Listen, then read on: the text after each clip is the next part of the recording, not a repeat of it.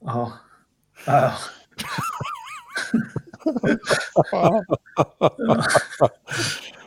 Ja, ja, hej och välkomna. ja, men, har stil någon, på det här. Visst har vi någon i sällskapet som gillar ostbågar? Fast han har ju jobb. Ja, men det är såna, det är såna jävla ostkulor eller vad fan det, är det ska vara för något. Jag har gått över till jordnötsbågar. Ja, okej. Okay.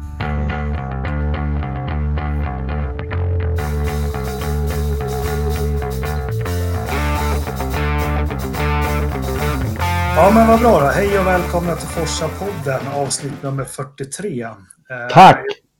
Tack! Idag ska vi prata, vi ska prata ner som det så fint heter i poddvärlden. Eh, Formel 1, Spaniens Grand Prix och där har vi lite underrubriker. Sen ska vi självklart prata lite om Indycar som vi också åkte. Vi ska ta en kvarting idag. Och eh, vi har lite övrigt också. Sen så har jag en panel till hjälp och den panelen ska jag sätta på pottan idag lite med en fråga som inte finns med i schemat, men det tar vi sen. Eh, Ridderstolpe, hej! Jo, tjena! Mår bra? Jag mår bra, mår bra. Sitter ja. här och tittar ut genom fönstret, njuter lite. Ja. Du har fin konst där på väggarna. Ja, visst. Äkta. Ja. Eh, Lövström, du har ingen konst alls. Hur mår du? Nej, det, det, är väldigt, det är inte så konstigt eftersom det är, jag sitter i källaren i sonens rum. Han, han, har inte hängt, han har inte hängt upp eh, eh, de äkta tavlorna här än. Du har inte kommit så långt. Ja, du är välkommen i alla fall. Tärnström, ja, vart har vi dig? Ja, vi, ja, i Huddinge, hemma faktiskt för, för en gångs skull. Ja. Eh, så att, eh, ja. Mm. ja. Är ni laddade? Mycket. Jag, jag, jag, ser verkligen fram emot. Du sa det att vi ska prata ner den här helgen. Mm. Vi ska, jag ska dissa Formel 1 så att det bara... Ja, Bra, det ska du få göra. Mycket ja, men, ja, men ska vi sätta igång då? Vi, vi börjar med det som var, som var senast här och Spaniens Grand Prix, sista på några år spekuleras det om. Lite rubriker jag har där. Vi kan väl prata lite om loppet, men något som vi måste verkligen ta det är Ferrari som det här loppet. De gjorde ju faktiskt allt som stod i deras makt för att inte komma på prispallen. Det var strategier som var åt helskotta, depåstopp som var dubbelt så långa, allt strula. Varför? Vad händer? Vem är manad och berätta, vad händer i Modena?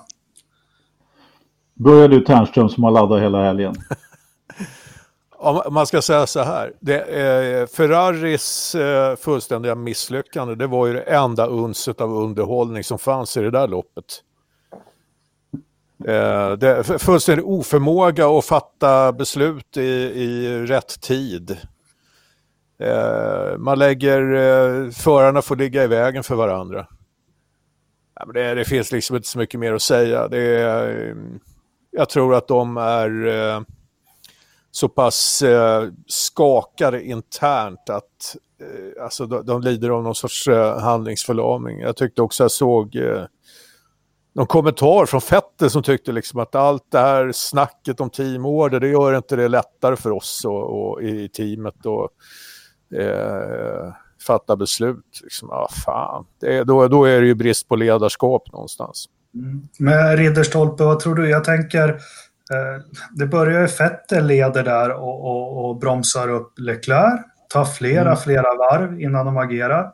Eh, efter stopp och allting tvärtom, då ligger Leclerc där och bromsar upp Vettel. Det tar flera, flera. Vågar man inte ta beslut? Vad händer? Vad tror du? Nej, men alltså jag tror ju den här eh, Biscotti eller vad han heter i, i toppen där, han har ju inte gjort någon, någon nöjd på, på kakfatet överhuvudtaget. Liksom. Det, jag, tror inte, jag tror inte det finns någon som dels vågar eller ens kan. Liksom. Men, men alltså, vi som sitter i baksätet tre rader bak, liksom, vi ser ju att det, det är kört för fyra varv sen. Ni skulle släppt förbi Leclerc på en gång. Och, och, liksom, och sen när, när Leclerc ligger först, att han har hårda däck och, och Vettel har, har medium, så kan man ju fatta det är olika strategier. Det är bara att göra. Det tar fem varv, sex varv, sju varv och man förstår inte vad de håller på med. Det, det är ju bara en rädsla för att ta beslut som finns. Och den har ju genomsyrat precis allt. Och jag tror att det har gått tillbaka. Det är inte bara Biscotti. Det var ju liksom de, först, de tre, fyra föregående teamcheferna har ju också eh, kört in det här. Så det kommer ju ta åratal innan de är tillbaka och vågar stå upp och, och säga sin sak. Anders, eh, jag ja. tänker på det, det som är i teamet nu, någon jag tänker väldigt mycket på, det är ju Leclerc faktiskt, 20-21 år, och eh, teamet är inte balans och det är ett stort team med mycket förväntningar. Hur, hur är det här för Leclerc att komma in i? Alltså, jag skulle vilja säga det att för hans del så tror jag att det är... Eh, Eh, han har ju ändå framtiden för sig på något sätt. Det är nog, det är nog värre för hans eh, stallkamrat faktiskt som eh, måste i princip vinna VM i år om han inte ska bli bli utslängd. Eller, äh, det kanske han inte blir, men, men, han har ändå betydligt mer press på sig än vad Leclerc har. Leclerc har ju liksom re, redan visat vad han går för på ett eller annat sätt. Men jag skulle vilja säga det att eh, Binotti, eller Biskvin, eller Biscotti. Vad kallar? Biscotti, jag kallar honom för. Ja, men, alltså, det jag tänker på att jag är lite mer långsiktig eh, och det kan ju faktiskt vara så att han håller på och jobbar för hela säsongen. Och ha, men allting har ju gått fel hittills. Det, det, går ju inte att sticka under stol med. Men det kan ju också vara ett arv efter organisationen med, med Dåren som lämnade förra året. Det kan ju spela över på den här säsongen. Han kanske inte har fått ordning på allting än. Så att, eh, jag skulle ge honom ett par lopp till innan vi spikar igen kistan totalt. Ja, men eh, barnidrott är långsiktigt. Det här är toppelitidrott. Det kan inte vara, vara långsiktigt. Ernström? Ja, men jag, jag, tror det känns lite grann som att Ferrari har eh, fastnat i, i den här eh, hanteringen av Vettel och Leclerc.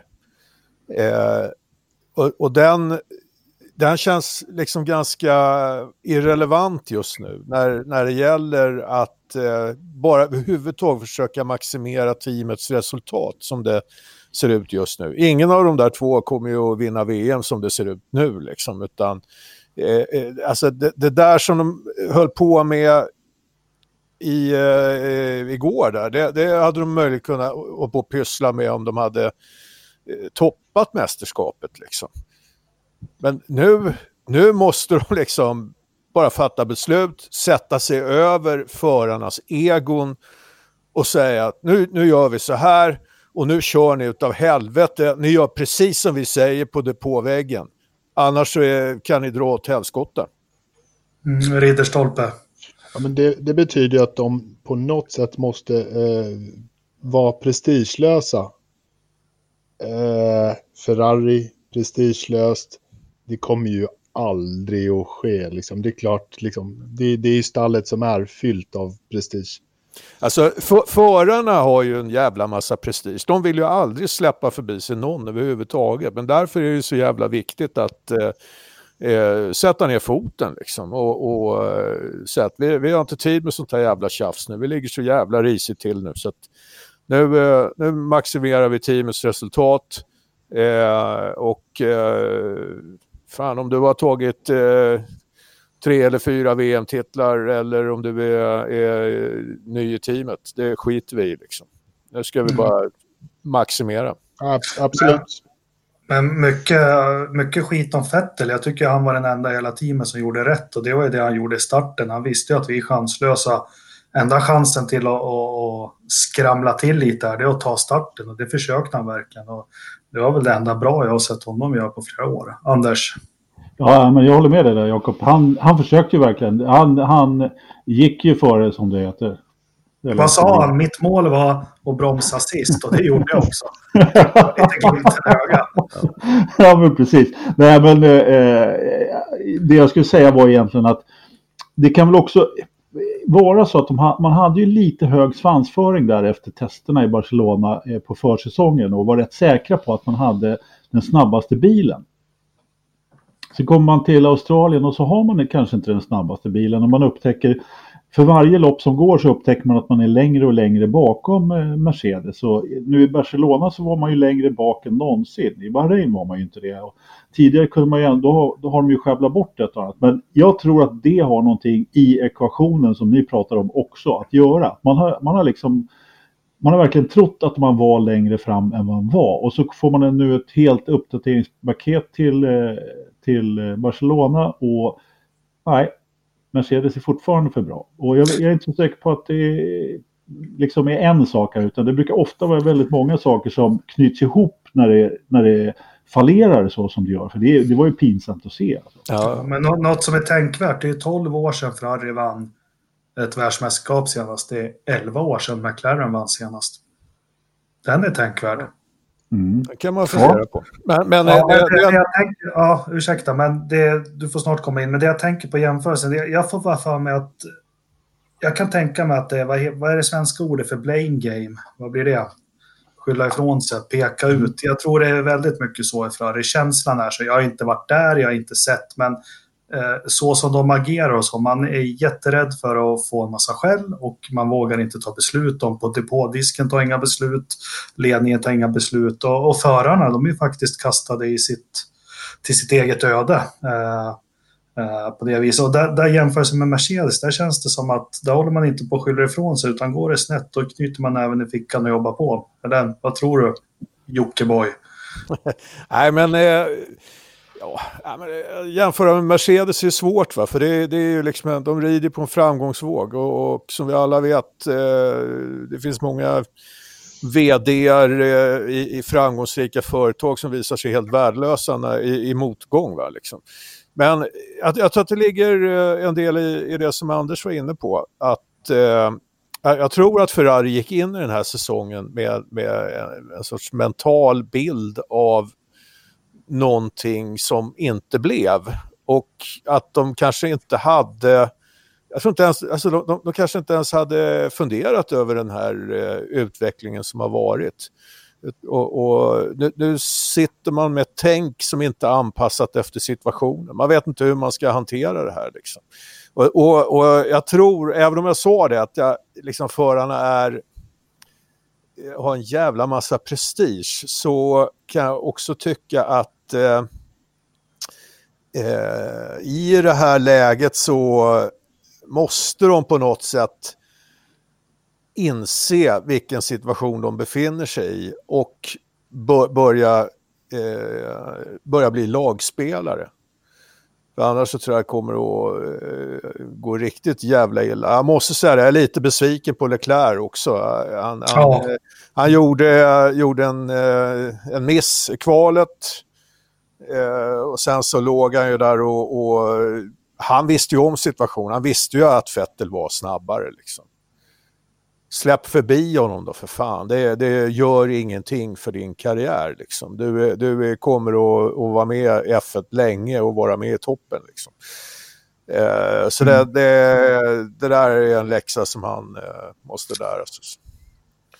Ja, nej men det apropå situationen för jag tyckte det var intressant att se eh, lyssna både på Farkas, eller läsa han, och sen Janne Blomqvist hade intervjuat Villeneuve som kunde beskriva lite vad som händer i ett team sådär när en Leclerc eller en Hamilton kommer in i McLaren eller som han sa när Button kommer in i bar, alltså hur skört det kan bli. Eh, och det är väl kanske lite det Fetter känner att han har jobbat dag och natt för det här teamet sedan 2015 och så kommer någon och skördar nu. Du har rätt, jag håller med Det var väldigt intressant att höra Villeneuve mm. säga. Vad, han lät ju inte, inte bitter så. Nej, han var, nej, nej. Han var, Insiktsfull. ja, men precis. Han var, men han var fortfarande lite sned på det på något sätt. Alltså, det hördes ju på honom att han visste vad han pratade om. Så att, eh, absolut. Ja, alltså, jag vet inte, det har ju ältats det här med en, liksom, enförarstall också. Det, kan ju helt, helt enkelt vara så att Ferrari klarar inte av att pusha två förare helt enkelt utav den där kalibern. Nu är ju, har vi ju pratat ner Vettel ganska ordentligt men det kan ju mycket väl vara så att eh, satsar man inte alla hästar på Leclerc så vi, kommer man inte vinna VM. Man, det är som du säger, man lite, det är ju nya guldgossen men samtidigt så är ju Vettel, ja. Mm. Eh, Ridderstolpe, det är dags att kasta ut italienarna från Ferrari och ta in lite engelsmän. Lite ja. sydafrikaner, det är det de behöver. Ja, och en fransman. Ja, ja, kanske en, fran oh, en fransman. Det hade ju varit väldigt spännande. Det är Cyril är ja, ja, precis. Ja, det jag tänkte också. Uh, ja, alltså italienare är väl kända för att kunna ta bra beslut och, och eh, genomtänkta strategier och sånt där. Eller inte. Så att det kanske vore en idé att börja se sig om och se vem fan som egentligen är bäst för jobbet och inte vem som heter Biscotti. Mm. Ja, men men ja. jag, jag, jag funderar lite på vad Anders sa där, liksom att när, när, när hade Ferrari egentligen två riktigt bra förare samtidigt? Eh, det var Berger och Alesi körde. Mm. Ja, ja, men det ligger nog oj, Ja, men, uh, no, men det ligger nog någonting. Ja, Baricello skulle väl jag ha ihop med Schumacher. ja, jo, men vassare än Irvine i alla fall. Ja, precis. Ja, jo. jo, jo. Uh, vad hade vi sen då? Sen hade vi Massa och Kimmy i flera år. Ja. Alonso och Massa. Och Kimmy och Alonso är väl bra på pappret. Ja, nej, jag vet inte. Du har, det, du har poängen där. Det var väl ja. Judy Scheckter och Jill Villeneuve. Nej, det var inte bra det heller. Nej, men de, de hade ju faktiskt Mansell och Prost. Ja, det hade Ja, rätt. 90. Du har du helt rätt. 90 det, precis. Och då var ju Mansell jättenojig och trodde de höll på att byta bil och chassi och grejer. Och Fast. Prost var ju inget vidare då alltså. 90 var, 90 var han riktigt bra. Var det 91 han var dålig kanske? Ja, då, äh, han var ju bättre än Alesi 91. Men... Tveksamt, men okej okay då. Ja. Äh, det, var, det, det var ju Alesi, det var hans eh, första, andra år där va? Nej, det var, nej, men han gjorde bort sig en del. Han snurrade i, och härjade lite grann Prost. Han, var, ja, han hade inget bra... Han snurrade på warm-up-varven. Just det. Ja, det är väl enda snurrningen han har gjort, det är Monaco 82. Ah, alltså jag har för mig att den där säsongen var lite, ja skitsamma, vi behöver inte älta det. Det, var, det, det ploppade upp lite minnen här. Du brukar ju trycka ner dem sen eh, Jakob, att jag minns fel och sådär. Bara för att det ja. var några varv ifrån när Häckenen bröt och sådär. Precis. Ja, men vi stänger Ferrari-skåpen nu. Mercedes är det väl inte så mycket mer att säga om. Jag tyckte det var ganska förutsagt här att eh, Lewis skulle sätta ner foten mot Bottas och det gjorde han. Och, eh, vi behöver inte diskutera det, men att Bottas är så jäkla jäkla grinig ett helt lopp över att kopplingen inte bet i starten. Det tycker jag det är fjantigt för det kändes som han gav upp i, i, i samband med starten. Jag har lite andra... Eh, men du, ska, han, han, om, han om han inte kommer förbi Lewis i starten så kommer han inte att vinna och det vet han ju om. Ja, men det... Ja, ja men att han är sådär grinig på... Alltså du har ju... Ja, skitsamma. Bottas är Bottas. Det var hans finska jag som kom fram. Han är svensk när han vinner, han är finsk när han förlorar. Eh, men några andra saker, lite intryck jag. Jag skulle vilja diskutera några stall och så. Men vi börjar plocka av. Eh, jag har ju inte varit med i den här kören kring Kubica, Kubica, men Stroll och Kubica. Stroll och Kubica, är de värdiga att vara med i startfältet? Ternström? Ja, Kubica eh, borde väl eh, pyssla med någonting annat. Tycker det, hela, hela grejen där med att han ska kliva in i F1 igen efter så långt uppehåll med en arm som knappt fungerar. Jag har lite svårt att se poängen med det där. Men det var ju, det var ju polska sponsorpengar, det var lite burkskinka och, och, och annat va, som, som uh, spelade in där. Det, det, är nog det de kör i hospitalityn också. burkskinka? Ja, polsk burkskinka. Fan vad gott. Sen, den, den, den, sto den, stora showen är ju när Kubica ska öppna burkarna också med bara en arm. Nej usch. Ridderstolpe du att säga om honom då? Nej, jag har Bäst, ingen... Bästa team. Nu får ni tänka på att Perez, han har haft Kobayashi. Han har haft Jenson Button, han har haft Nico Hulkenberg och vem hade han förra året? Eh, Ocon som stallkamrater i sin karriär. Och han har gått Ferrari Driver Academy och kört mot Alonso. Han hävdar att Lance Stroll är den bästa teamkamraten han har haft. Men vad tycker vi, Ridderstolpe? Att det är den mest snoriga lilla pissunge som finns på griden. Tack. Anders, behöver du fylla i? Ja, jag, jag, kan bara fylla i att om du ställer de här två emot varandra. Jag, jag tyckte det var kul att Kubica fick chansen att köra innan han började köra och innan Williams var så dålig. Nu tycker jag inte det är lika roligt längre faktiskt. Nej, nu är det faktiskt tragiskt. Ja, för, ja eh, det, jag vet inte vad som händer i team här nu också, för han har ju hävdat att bilen är okörbar. Nu har ju teamet verkligen gått ut officiellt och sagt de är exakt lika bilarna. Och nu hamnar ju före Russell i första varvet. Ja. Han var ju omkörd och ja. Eh, förbikörd och de, utklassad efter några varv va? Ja, och då, alltså, de hade ju bytt chassi till den här helgen om jag förstod det hela rätt dessutom. Så, att, så att det fanns liksom ingenting att skylla på där. Så att, eh, men det jag skulle säga angående Stroll och Kubica bara, om man ställer de två mot varandra, då, då kan man ju ganska krasst konstatera att Kubica kommer inte köra nästa år. Lance Stroll kommer vi få dras med, mm. om nu Formel 1 överlever. beroende, ja. Lite beroende. Ja, Han kommer få dras med tio år till. Liksom. Jag tänkte på det där helgen med hans pappa och pengar och stall. Alltså, men alltså, även som pappa, alla vi här är väl pappor, så finns det fan en gräns. När man säger till grabben att nu börjar vi göra något annat istället, läsa komvux eller något. Ja, ja. men, men eh, jag, jag, tror faktiskt att jag, jag, är inte så säker på att Lance Stroll sitter sådär hundraprocentigt säkert som helst. Liksom. Utan, eh, jag menar, vad fan, farsan är ingen dumskalle. Och de har köpt teamet och han, och jag tror att det, det, det här är ju lika mycket farsans grej. Liksom. Han har ju varit in, involverad i racing tidigare. Eh, att driva team. Jag tror, att han tar, jag tror att han tar det jäkligt seriöst.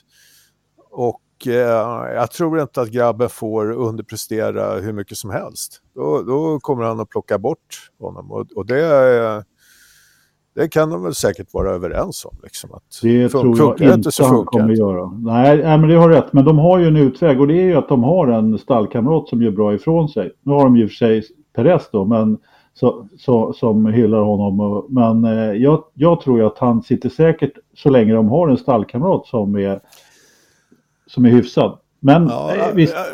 Men, men så, så, länge han är, alltså, jag menar, han, så jävla långsam är han ju inte. Nej, ja, det, är väl det, det, är väl det som är del av problemet. Han hamnar ju någonstans här hyggligt eh, sådär någorlunda mest hela tiden. Och han hamnar ja. tillräckligt bra för att pappa ska tycka att han är bra. Om han hade hamnat nere vid Kubica så hade kanske pappa också börjat fundera på ah, det här var inget vidare liksom. Men han, eh, liksom, Perez lyckas väl förmodligen få fram en, en bättre bil än vad Stroll skulle kunna göra själv. Det vill säga att Stroll drar ju så stor nytta av att Perez gör bilen bättre så att Stroll hamnar en bit upp i resultatlistan. Det är ju inte hans ja. egen förskyllan, tror jag, tyvärr. Men ni, ni glömmer ju det viktigaste. Alltså, jag förutsätter pengar. att alla är fem. Ja, pengar, men det fanns ju en gräns i vårat föräldraskap här där du slutade säga Gud vilken fin teckning du har gjort. Ja, fyra år. Ja, men, ja, precis. Men, och, och dit kommer väl familjen Stroll också.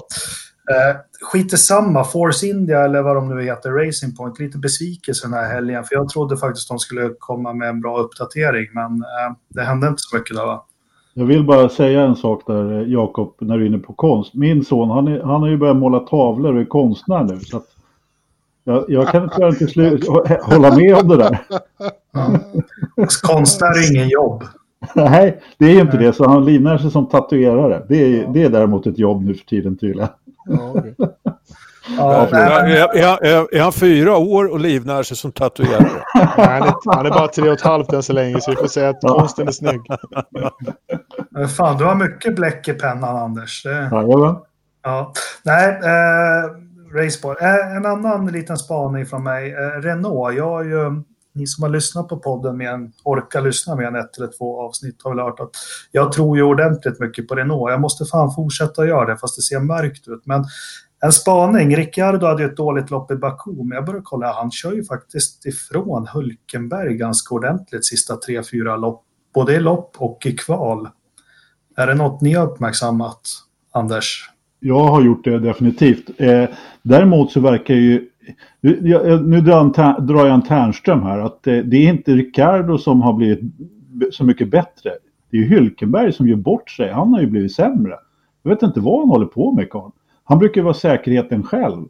Nu har han liksom eh, gjort bort sig och kör av. Och, jag vet inte, men det kan ju vara så enkelt så att han blir pressad av Ricardo. Så är det ju naturligtvis. Att, men, men visst är det så. Alltså, Ricardo var ju inte riktigt bekväm Australien så klantade han det till det rejält och så vidare. Men nu här, både i Baku och i Barcelona så har han ju åtminstone, men alltså den där bilen. Ja, Baku, ju... Anders. Baku, Anders. Ricciardo Baku. Men vad gjorde han? Han backade in. Ja, förlåt, inte där. Just det, förlåt. Men jag han tänkte... hade bra sektortid, varv 22. Nej, nej, jag tänkte på... inte på Baku. På, nej, Frank Lodd, men helt klart är ju så att Hulkenberg har ju inte gjort någon glad heller. Är, om man tänker på liksom klantiga grejer så har de ju gjort lite grann båda två naturligtvis. Men, men på scen, precis som du säger, han, han är ändå, verkar ju visa lite grann. Nu, är- han behövde ju ett bra lopp, Ricardo, helt klart. Men någon vidare fart, de tog ut poäng nu heller. Eh, Ternström, vad tror du? Janne Blomqvist, myser han nu när det går dåligt för Hulkenberg? Eller? Ja, det kan man väl, eh, det kan man väl tro, men eh, jag vet inte hur stora växlar man ska dra av eh, Hulkenbergs lite, eh, vad ska man säga, det, man måste ändå säga att det är en tillfällig dipp i eh, formkurvan. Han har ju varit oerhört stabil under, under flera år. Eh, och jag tror inte att han är sådär jättepressad liksom, av, av eh, Ricciardo. Det, det är svårt att tro att det är han, fan, han, har, han har ju klarat av eh, ett antal duktiga teamkompisar tidigare. Liksom, så att, nej, jag, vet, jag, jag tror att det har nog mer att göra med att de, de är faktiskt inte där de borde vara med bilen. Eh, de hade jävligt höga förhoppningar inför den här säsongen och eh, ja, det går ju sämre än i fjol. Ridderstolpe, de får ju stryka av McLaren. Det kan ju inte vara bra. Nej, det är, det är nog inte alls bra för ett självförtroende. Liksom. De, och speciellt som, eh, som Ternström säger, liksom, det, här är, det här är fjärde av deras femårsplan. När de skulle vara med och fightas på riktigt år fem eller sådär, vinna eller någonting sådär. Alltså det, snacka om att gå bakåt. Eh, däremot, eh, McLaren eh, tycker jag är lite spännande med Lando Norris. Carlos Sainz tycker jag inte är så jättespännande än så länge i år, men Lando Norris tycker jag gör, gör en, eh, än så länge ett helt okej första år. Mycket bra. Science har jag haft oflyt faktiskt, tycker jag. Men ja, jag Det gillar där, ju fick- Science. alltså, det där fick det- jag själv för när jag hyllade Norris i förra avsnittet och då fick jag själv utav Jakob. Så att, Ja, men det får inte jag. nej, jag märker det. Nej, nej. Men, men däremot så här, det här med oflyt, det är ju, det Marcus hade ju oflyt i fyra år, så att Sainz har ju också oflyt, men det får vi ju säga. Nej, han hade dåliga strategier i fyra år. Ja, just det. Ja, det hade han faktiskt. Fast han var bra i snabba kurvor. Ja, Lika, lika, bra som, lika bra strategi som Giovinazzi. Han verkar ju Ja. definitivt ha fått alla dåliga strateger i, i, samlade. sig. vad, vad, vad, ska, vad ska de med honom till? Kunde de inte haft kvar ME9 då? Men det, jag drog igång en tråd om det. Vi kan väl ta det med detsamma. Men Eh, jag vågar påstå att Giovinazzi inte är ett dyft bättre än vad Marcus Eriksson är. Eh, men med facit i hand, tror ni att Marcus skulle vilja sitta i Alfan i år? Ja, det hade han velat. Det är jag ganska övertygad om att han hade velat. Sen hans eventuella styrkeförhållande med Giovinazzi. Jag tror att han hade varit på Kimis nivå. Åtminstone kanske inte poängmässigt så här långt, men han hade varit betydligt bättre än Giovinazzi. Det skulle jag kunna sätta rätt mycket Ja. på faktiskt. Det tror jag med. Ja. En annan sak, vi kan väl inte elefanten i rummet då. Och nu sitter jag och ser jag på video här att Ternström sitter som på nålar. Vi ska prata om Spaniens Grand Prix och vi ska prata om Formel 1. För det här var ett sjukt tråkigt lopp igen. Och, och liksom några, några punkter så här. Kunde bilarna följa varandra ordentligt? Nya framvingen? Nej, jag tyckte inte man såg någon skillnad. Och, och vad är det som behöver förändras? Och när måste det göras? kan vi vänta på nya regeländringar? För det här, det här loppet var ju... Och det här ska ses i skenet av diskussioner kring Indycar-loppet som var i helgen också. Men jag måste bara börja med en sak. Eh, jag lyssnar på den här logistikpodden här. Jag måste faktiskt för första gången i mitt liv, jag har ju alltid varit så irriterad på Lill-Erik där. Han sa något vettigt. Han sa något riktigt bra tycker jag. Och det är det här att många säger äntligen kommer vi till en riktig bana. Nu ska vi se vad bilarna går för och hej och hå. Men vad är det för snack? Vad är en riktig bana för det första? Och handlar inte ett mästerskap om att behärska alla typer av banor? Jag tycker jag faktiskt Erik hade en poäng. Eh, jag är så trött på det där snacket med en riktig bana och en oriktig bana. Bra Jakob. Ja. Jag tyckte Ja, också att det var ett mycket bra inslag. Jag håller med. Ternström, eh, Ja. loppet, Formel 1, sporten. Vi håller ju på att prata om det här jätte, jättemycket och jätteofta och jämt. Men nu fick vi liksom facit i hand här, Spaniens Grand Prix. Vad, vad, vad fan är det som händer och vad behöver göras? Ja, alltså man kan väl säga så här, det här var ju, eh, jag kan inte minnas när jag såg ett sånt tråkigt race senast. Eh, även om det har varit många F1-lopp tycker jag som kanske liksom har tangerat det här eh, under de senaste åren. Men eh, med det sagt så ska man nog ändå eh, ha i åtanke att eh, det brukar bli jävligt trista race i Barcelona och eh, anledningen till det, det är ju att teamen kan den här banan så oerhört bra. De har så jävla mycket data efter alla tester. Eh, och det brukar ju visa sig också, eh, bland annat i kvalen, för då ligger ju teamkompisarna eh, alltid intill varandra i princip. Va? så det blir mycket paråkning i teamen. Och, det brukar inte hända så himla mycket på den banan. Så att, men så man kan väl säga så här, det här det, det, är lite som man brukar, när man brukar prata om alkohol. Va? Hade man, hade, hade det varit idag så, så hade man aldrig legaliserat alkohol överhuvudtaget.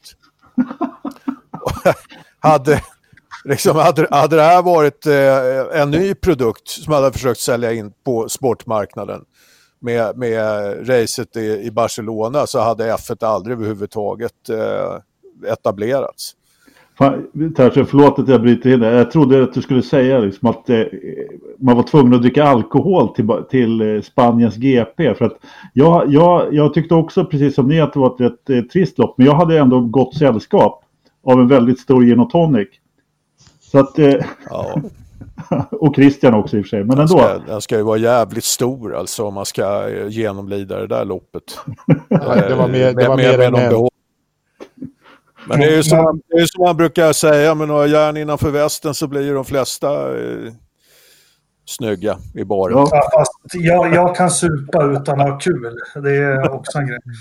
Eh, Ridderstolpe, vad, vad, vad är det för fel på sporten? Varför blir det så här? Varför... Eh, eh jag kommer ihåg vi pratade, jag pratade om ibland de första avsnitten. Det finns inte ens en dramaturgi att luta sig mot när det är ett tråkigt lopp. De kan inte ens Nej. få det här att, att Vettel och Leclerc inte släpper förbi varandra och blir intressant. Nej, alltså så här hade jag... Det finns så många lösningar på det här från, från så många andra så jag kan inte liksom addera. Det är väl bara att läsa vad, vad Stefan och Lillövis har skrivit i sina jättelika artiklar och ta valda delar där. Jag kan inte bidra med något, något revolutionerande, men det, var, det här är ju bara problemet är som du började, uh, det här med liksom, hur länge kan vi vänta? Jag vet inte. Just nu har vi fan ingen val, nu är det bara 2021 och, mm. och klantar man till det och super bort den chansen som man har då, 2021 och 2022 är lika jävla mycket Mercedes, uh, alltså har vi fyra år Mercedes dominans kvar, 2023 så kommer vi inte ha något. Då, då är det slut. Liksom, om, det, om det börjar med det nya reglementet och Mercedes kommer att fortsätta dominera om igen i, och om igen, då är, det, då är sporten död. Då kommer det finns inte någon publik kvar. Anders, enda chansen är att Merca kör Le Mans igen och, och voltar ut i publiken och tar ett uppehåll från motorsport på 40 år. Eller ser du någon annan? Du brukar vara positiv. Ser du någon?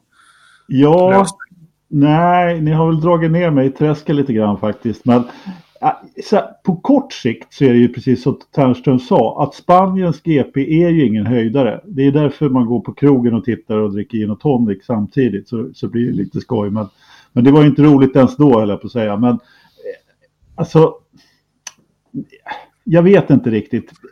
Jag, jag, jag kan ju tycka att ja, Monacos GP som kommer efter, det är ju inte heller någon klang och jubel tillställning när det gäller omkörningar och, och racing direkt. Så att jag måste väl säga, ändå säga att jag, jag börjar också tycka att någonting måste hända. Men som vanligt så är jag så här att jag tror att man kommer att hitta på någonting med de här eh, budgettaken. Och jag hoppas verkligen att man hittar någonting där som funkar. Och att man börjar standardisera vissa delar. Alltså Formel 1 bygger ju på att man ska konstruera bilen och konstruera alla delar. Men så som det ser ut idag när, när vissa stall köper delar eh, från så att det blir de här satellitteamen och så vidare. Då, då måste man nästan börja göra, standardisera fler och fler delar. Sen hur långt man ska gå, det är ju naturligtvis en slak lina att balansera på. Så är det ju. Men, men sen är det, jag, jag tittar ju, fan, det är ju häftigt. Man ser sista sektorn här i Barcelona med Mercedes-bilarna. De har den kameravinkel bak. Alltså de är ju nedgrävda som jävla tallar i banan. Alltså de, eh, de har ju sånt sjukt grepp så det är nästan vedervärdigt. Jag vet inte vad jag vill komma med det, men, eh, nej, men det, alltså, det saknas något i Formel 1, något som, inte, som, inte, något som fanns förut helt enkelt. Och, ja. Ja, jag, jag har ju inte sådär jättestora förhoppningar om eh, nya reglementet. Så vet jag vet så kommer man ju fortsätta med, med de här jävla hybridmotorerna, vad det nu är för någonting man sysslar med, som man tror har relevans för, eh, som gör Formel 1 relevant. Alltså, de måste sluta, sluta tänka i termer av, och, och det gäller motorsport överlag, sluta tänk i termer av att motorsport ska vara relevant på något jävla sätt. Eh, när det gäller miljö eller när det gäller någonting annat, när det gäller bilindustri eller, eller så. Det, det är den enda relevansen som man ska överhuvudtaget ska fundera över det är om det är underhållande eller inte. Underhållning.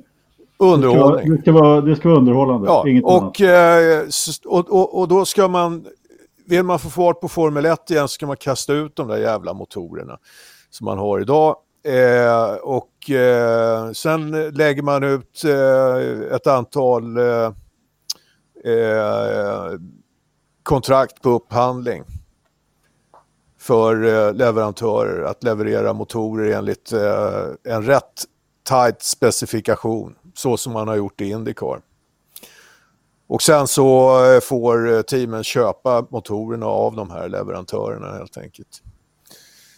Eh, Ridderstad, Ridderstad och, eh, och sen eh, samma sak när det gäller aerodynamik och hela den här balletten. Där, där måste man också följa Indycars koncept. Mer, mer downforce som genereras under bilen snarare än över. Då kommer man också kunna ligga nära varandra. Och det här, det här är så jävla... Eh, alltså jag är ingen aerodynamiker så att jag, jag, menar inte att det här är väldigt enkla grejer men, men alltså principen har varit känd hur jävla länge som helst och det har man använt sig av i Indycar med jävligt stor framgång. Det är bara att följa det receptet. Mm. Ridderstolpe... Du har väl två, två saker där. Dels så eh, finns det redan en serie som gör allt det där. Den heter Indycar och vi ska inte, vi ska inte ha två serier som är exakt likadana. Det är väl det första som jag har att, att tänka på med det. Det andra är en fråga, en fundering som jag, som jag fick när du pratade om eh, relevans.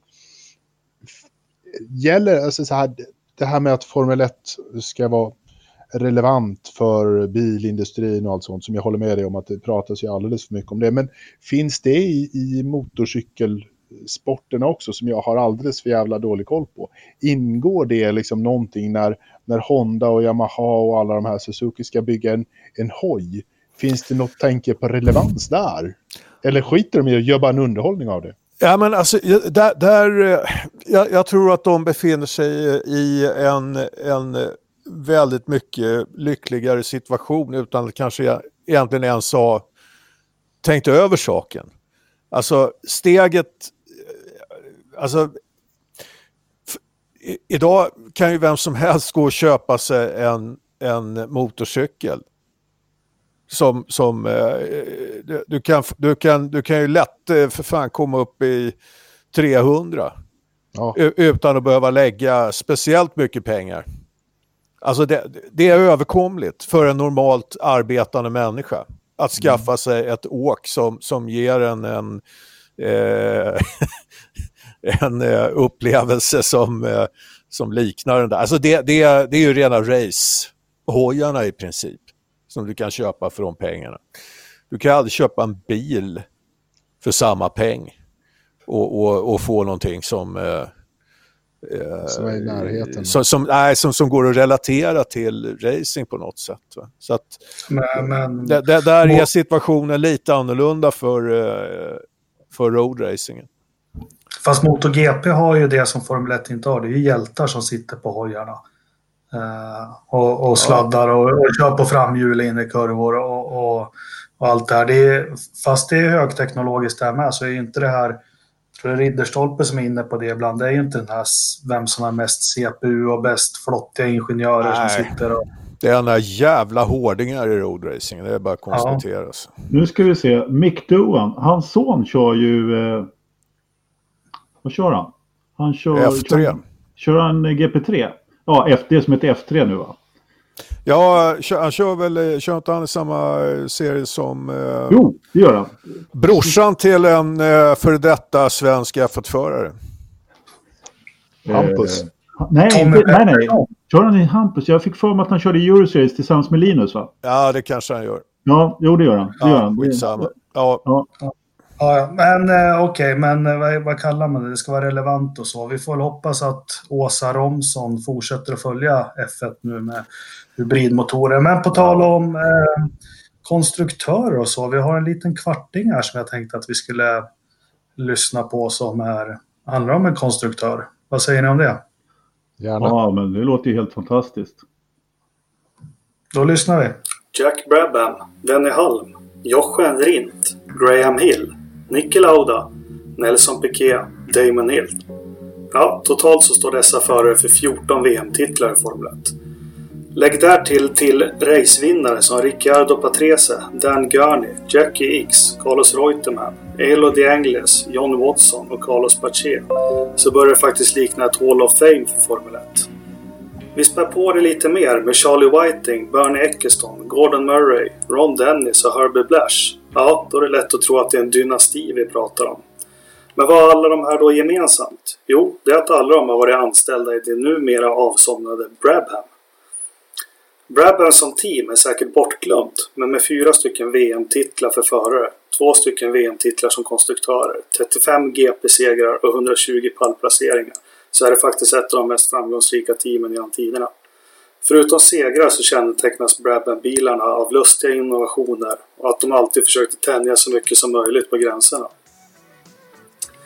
Det började redan på 50-talet när Jack Brabham och Ron, Ron Turneck träffades på racingbanorna i Australien. Jack var den kvickare av de två och valde att flytta vidare till England för att fortsätta sin karriär. Och det gick så bra så det till milda grad att han vann VM både 1950 och 1960 i de då revolutionerande Cooper-bilarna. Men trots att Cooper-bilarna låg i framkant så var Jack säker på att kunna göra det ännu lite bättre och han kallade då på sin vän Ron för att starta sitt eget stall. 1962 ställde de upp i VM i sin egen bil. Vid det här laget var Brabham en betydande tillverkare av formelbilar till lägre klasser och mycket av finansieringen till Formel 1 kom från försäljning av formelbilar till privatteam. Dan Gurney anslöt till teamet och redan 1963 tog amerikanen Brabhams första segrar. Åren därpå var lite magrare men 1966 så tog Jack VM-titeln för tredje gången. Och det var första och hittills enda gången som en förare vinner Formel 1-VM i sin egen bil. Tit titeln följdes upp då Kevin Denny Halm tog stallets andra titel 1967. Men redan 1969 tröttnade Jack på, på racing och slutade som förare. I samband med det så sålde han sin andel till Törnek och drev, som drev teamet vidare under ett par år till den gamle bilhandlaren Bernie Eckeston tog över stallet 1972. Det första Eckeston gjorde var att han anställde den sydafrikanske designern Gordon Murray. Som för övrigt av mig undertecknad så håller jag honom som en av de främsta bildesigners genom alla tider i Formel 1. Och här börjar Brabham en era av vackra, snabba och sanslöst designade bilar. Eller vad sägs om den Martini-sponsrade BT44 som många anses vara den vackraste bilen någonsin? Eller BT46 med den stora fläkten bak till. Stallet rönte många framgångar under 70-talet men utan att riktigt nå hela vägen fram. I desperata försök att skaffa sig övertag så provade man med de stora otympliga V12 från Alfa Romeo. Motorn var så stor att de förhindrade Murray att designa en bil med sidepods för ground effect, vilket ledde till att han kom på idén med en stor fläkt där bak. Givet så blev det en succé och bilen vann sitt första lopp på Anderstorp 1978. Många tror att bilen blev förbjuden, men det, blev, det är faktiskt inte sant. Björn Eckeston valde att ställa undan bilen för att bevara det politiska lugnet inom Formel 1. Men de stora framgångarna i modern tid kom under början av 80-talet och då särskilt med Nelson Piquet. Resultatet blev en VM-seger 1981 och året därpå började Brabham se fördelarna med turbomotorer och inledde ett samarbete med BMW.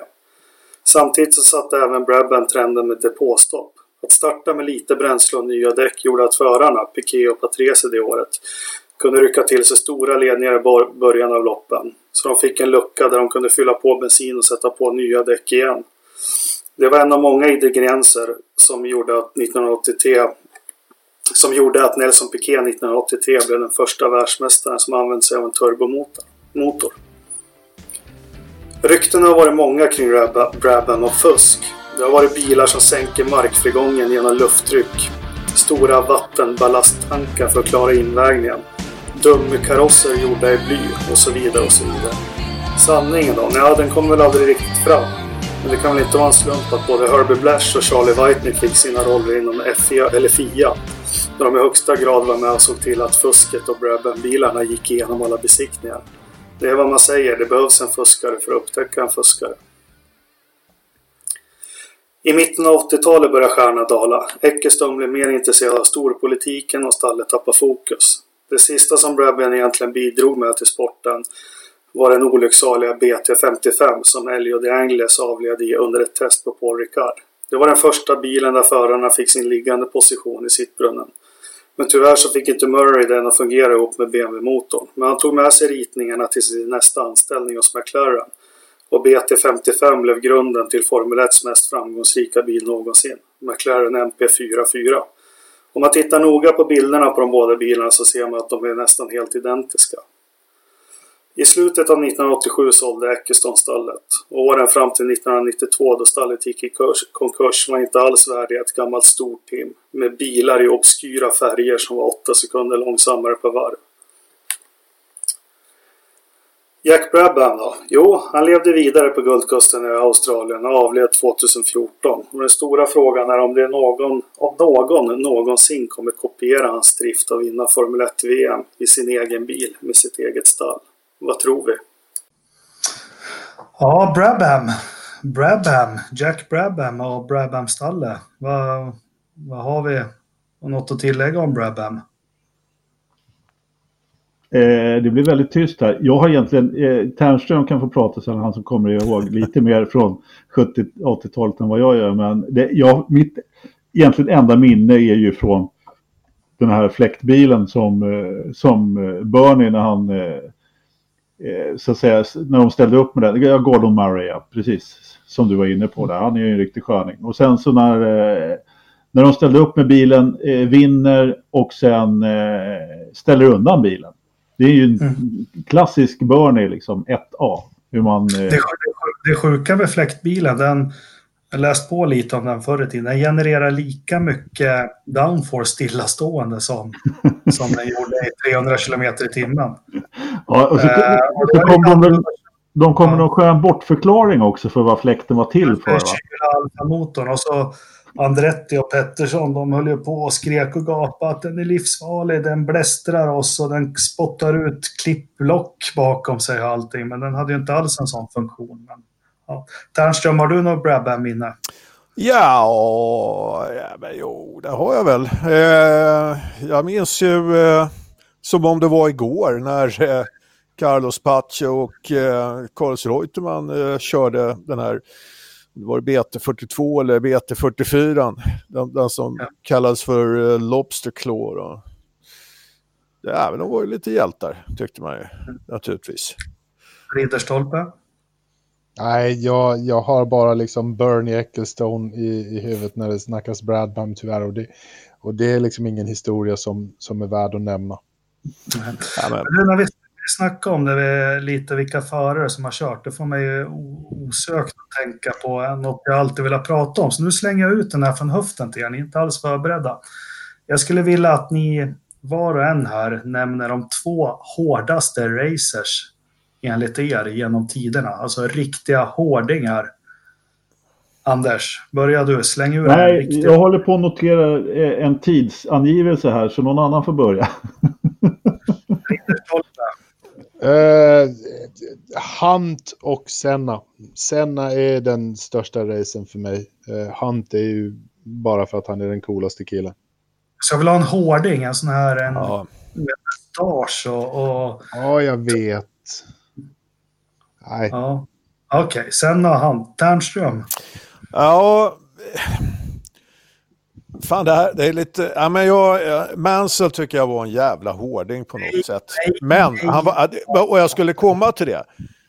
Det, det sorgliga är att han var en jävla kärring på många andra sätt. Han spelade teater när, när han skulle liksom dras ur bilen efteråt och såg plågad ut på prispallen. Men eh, det, det är, man, man tittar på hans karriär liksom, och hur mycket han offrade och liksom det, för ute på banan var han ju hård alltså, det var ju ingenting att snacka om. Okej. Okay. Ja. Har du en till då? Ja, fan.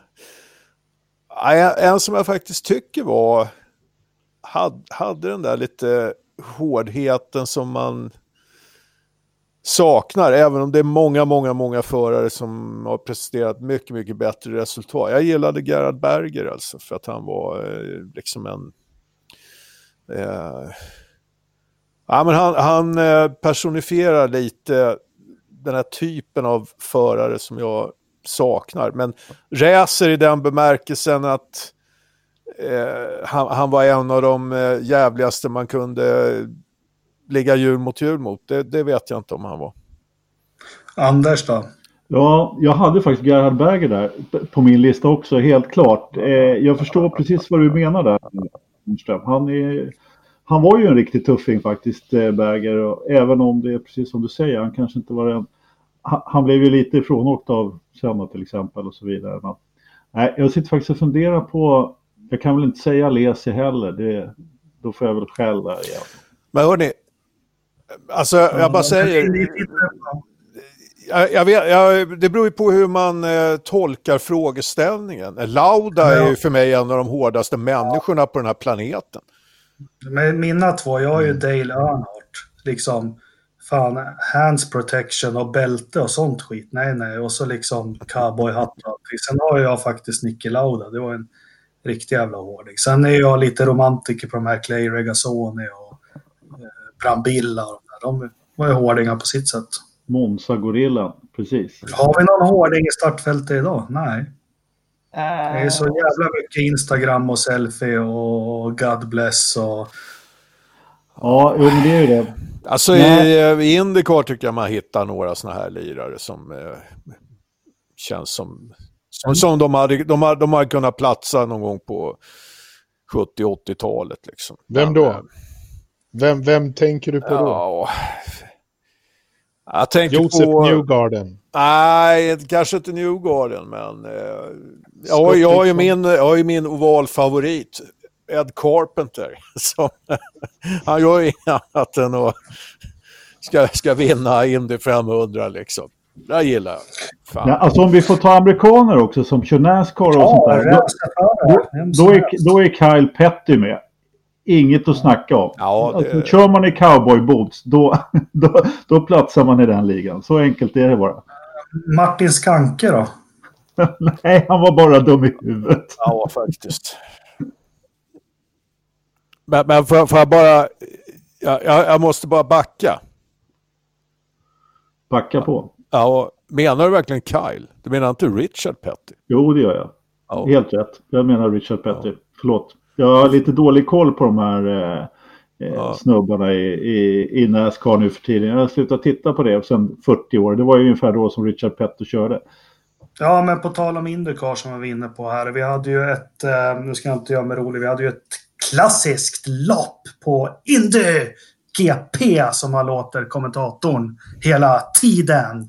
Som han pratar, som han får stänga av ljudet hela tiden. Nej, men det var uppfriskande, lite Indycar på lördagen där och, och, några reflektioner från mig innan jag sätter igång er herrar. Och det, uppfriskande. Först ser Anders Kron stå och prata med Scott Dixon som är Indycars Sebastian Vettel. Han står och svarar på frågor. Han är inte stressad, han har inte bråttom, han har inte solglasögon på sig. Han svarar inte ironiskt eller någonting utan förklarar för oss tittare lite om sporten och stallet och loppen. Hej och hå. Vi har förare som hånglar upp sina fruar innan de sätter sig i bilen. Tycker jag är jättehäftigt. Eller var det Dixons ja, det... fru? ja, men... Annars har, ja, det, det, jag fattar inte hur du kan jämföra Dixon med Fettel för att sen i nästa ja, säga är... att Dixon hånglar upp sin fru eller vem det nu var före start. Ja, men de har multipla eh, mästare i respektive ja, klass. Okay, ja. eh, Hinchcliffe hade ju en riktig stänkare där som han gav sig på innan också. Oh, eh, nej, men eh, lite sånt. Sen så tycker jag även att mitt under loppet så går de till depådisken, frågar teamchefen eller en strateg hur de tänker och gör. Det är väl något vi jättegärna skulle vilja sett i Spanien, att man gick till Ferraris depådisk. Eller vad de hade ju inte kunnat svara på frågan. Det är, så det hade ju kanske inte gjort tittarna så mycket. Nej, men det, de pratar ju det... faktiskt med, vänta lite, de pratar ju faktiskt med Günther Steiner under loppet här. Eh, och den andra snubben i, det har de ju börjat göra i, i, år med under tiden. Det tycker jag är en bra grej faktiskt som de har kört lite grann. Fast det, har, eh, Gym... det har Sky gjort i flera år. Ja, de har det. Okej. Okay. Mm. Ja, förlåt då. Uh, men Nej. det är ingen som pratar med Mercedes. Nej. nej, dit vågar de inte. Nej, nej disaster. Nej, men loppet då. Jag tyckte väl att det var lite sömnigt sådär eh, för att vara Indycar. Eh, vad säger ni? Ja, lite både och. Va? Det, var, det var ju lite sömnigt en stund, men sen är det lite klassiskt Indycar. Precis vad Ternström kommer säga här, att det här är lite klassiskt Indycar. Bara för i slutet så händer det så mycket spännande saker så att du, måste, du kan inte sitta och somna. Formel 1 kan nu somna liksom av helt och hållet, men det går ju ändå inte riktigt att göra det i Indy. Eller vad säger du? jo, nej, men jag, jo, jag skulle vilja säga så här. Eh, loppet är inte klassiskt, därför att det där är inte den, eh, vad ska man säga, det är ingen traditionell eh, Indycar-bana. Men eh, Händelseutvecklingen i loppet däremot var ju, var ju eh, av klassiskt eh, Indycar-snitt. Eh, där det händer en jävla massa grejer. Och det, nu hade man ju liksom lite hjälp av väderleken där, vilket ju kanske var till eh, eh nackdel för eh, alla svenska fans då, som hoppades på Felix. Eh, nu vet jag inte om det, det var kanske inte riktigt väderleken som ställde till det för Felix heller, men det händer en jävla massa grejer. Eh, olika förare ligger på olika strategier och, och sen mot slutet på något sätt så ska allt det här som har hänt under, på resans gång ska få sin upplösning liksom, under några dramatiska eh, slutvarv där. Eh, I den meningen, klassisk Indycar. Det, det är inte som ja. eh, diskussionerna har gått på forumen liksom där, eh, nej fan vi, vi vill se, den som är snabbast ska vinna liksom. Och då talar man om att köra snabbast från A till B. Och, och, och lite förbikörningar. De, de fick ju sitt, eh, sitt, sina lustar tillgodosedda av eh, Spaniens GP. Men eh, Indycar är annorlunda. Mm. Jag tänkte vi skulle återkomma till den diskussionen för den är så löjlig. Vi ska nog, vi ska nog eh, uh, rätt ut lite frågetecken. Alo, vad säger du om loppet? Är det jag det? Ja, Anders Lövström, A-Low. Ja. Okej. Okay. Kan ju underteckna dina mejl så. Ja, jag, jag, visste inte att jag hade nytt smeknamn, men nu, nu är jag med på det, så det är lugnt. Nej, men jag, nummer ett, eh, när det väl blev blött på riktigt eh, så plockade ju Felix fem platser. Så att eh, hade det bara blivit blött lite tidigare så kanske han hade kommit högre upp i, i prislistan också. Han fick ju riktigt bra med fart där. Eh, det var ju mycket riktigt så att vissa hade ju ställt in bilarna för lite mer blött och andra för, eh, för lite torrt. Så att, eh, det är klart att det chansades lite grann där, helt klart. Men jag måste säga det att jag tycker att det var riktigt bra lopp. Mm. Det, var, det hade mycket, sen ur svensk synvinkel så var det ju inte så jäkla kul. Först eh, Marcus som eh, gör ett riktigt rookie-misstag och dammar in i muren så att han till och med förstör den här helgjutna Indycar-bilen och inte kan köra vidare. Liksom. Ah, det, var, det, var ju, det var ju bara disaster. Mm. Men om vi, om vi plockar ner det lite då. Vi börjar med Felix då. Fan, man kände sig lite stolt där vid kvalet, eller? Ja, det var ju riktigt superkval. Ja. Men det är hans absoluta styrka. Och jag skulle också vilja säga det lite grann att just när han gör en sån här grej. Så det är klart att Ternström, du säger att vi, eller har skrivit i någon tråd där att vi har lite för höga förväntningar på våra svenskar. Och jag måste ju säga det, alltså jag tycker att det är svårt att inte ha förväntningar när Felix levererar så pass bra och dessutom tar pole. Alltså visst, han kanske, det kanske är lite högt att tro att han ska hålla Dixon bakom sig ett helt lopp, men eh, jag hade garanterat hoppats på pallen. Där. Jo, men det, det är klart, jag, jag hoppas ju också. När jag ser att han eh, sätter bilen på pole. Men eh, jag känner att många... Det finns väldigt, väldigt många nya fans av, av motorsporten som inte riktigt har eh, alltid förstått den. Nu ska man liksom inte vara fraktfull på något sätt mot nya fans som kommer till. Men har man följt Indycar i jävligt många år så vet man ju att besvikelsen lurar ju runt hörnet. Men det är liksom ingenting som... Eh, jag, jag, läser många sådana kommentarer som att... Eh, nej men att eh, fan, Felix underpresterade i racet och vad det nu kan vara för någonting. Alltså, det går inte att dra sådana slutsatser av, eh, eh, av, av enstaka race. Det går upp och ner i Indycar. Det här är Felix och Ganassis lägsta nivå och då innebär det att det kommer bara bli bättre sen. Men det är en pole position, det är inte lika givet att man hamnar på pallen som det är i Formel 1. Om, vi, om, vi plock, om, vi, om vi plockar ner det här av Felix, jag tycker, jag tycker mig se en trend att eh, han startar bra eh, första tio varven, han drar ju ifrån rejält, men sen tycker jag att det händer någonting. Han, eh, Eh, tydligen så är det däcken här, då, men det, jag tycker det har varit genomgående alla lopp. Sen Dixon, han håller ju liv i sina däck om man ska jämföra så. Uh, vad, vad? Han var ju jättebesviken Felix, jag läste på hans hemsida och allting. Det här var ju inte något kul nej, nej, Men, men, men äh, bara...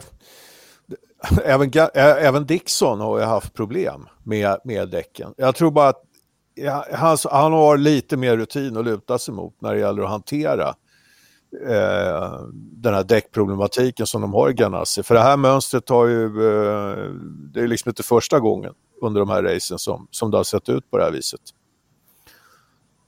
Jag skulle bara vilja säga så här Ternström. Alltså, för det första, jag har följt Marcus Eriksson först i GP2 och F2 eller vad det hette i fyra år och sen i Formel 1 i fem år att det lurar besvikelse runt hörnet, det behöver du inte berätta för mig kan jag säga. Så, så, så är det definitivt. Men, men eh, så här, just Felix och hans däckshantering där.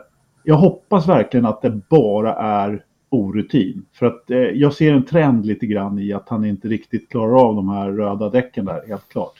Men i, i, nu i lördags kväll då så, så gjorde han ju han var ju hur grym som helst i starten och tog den och, och lyckades rycka ifrån bra där. Eh, den som inte gjorde en lika bra start var ju Dixon, men han var hur kall som helst och lyckades hålla.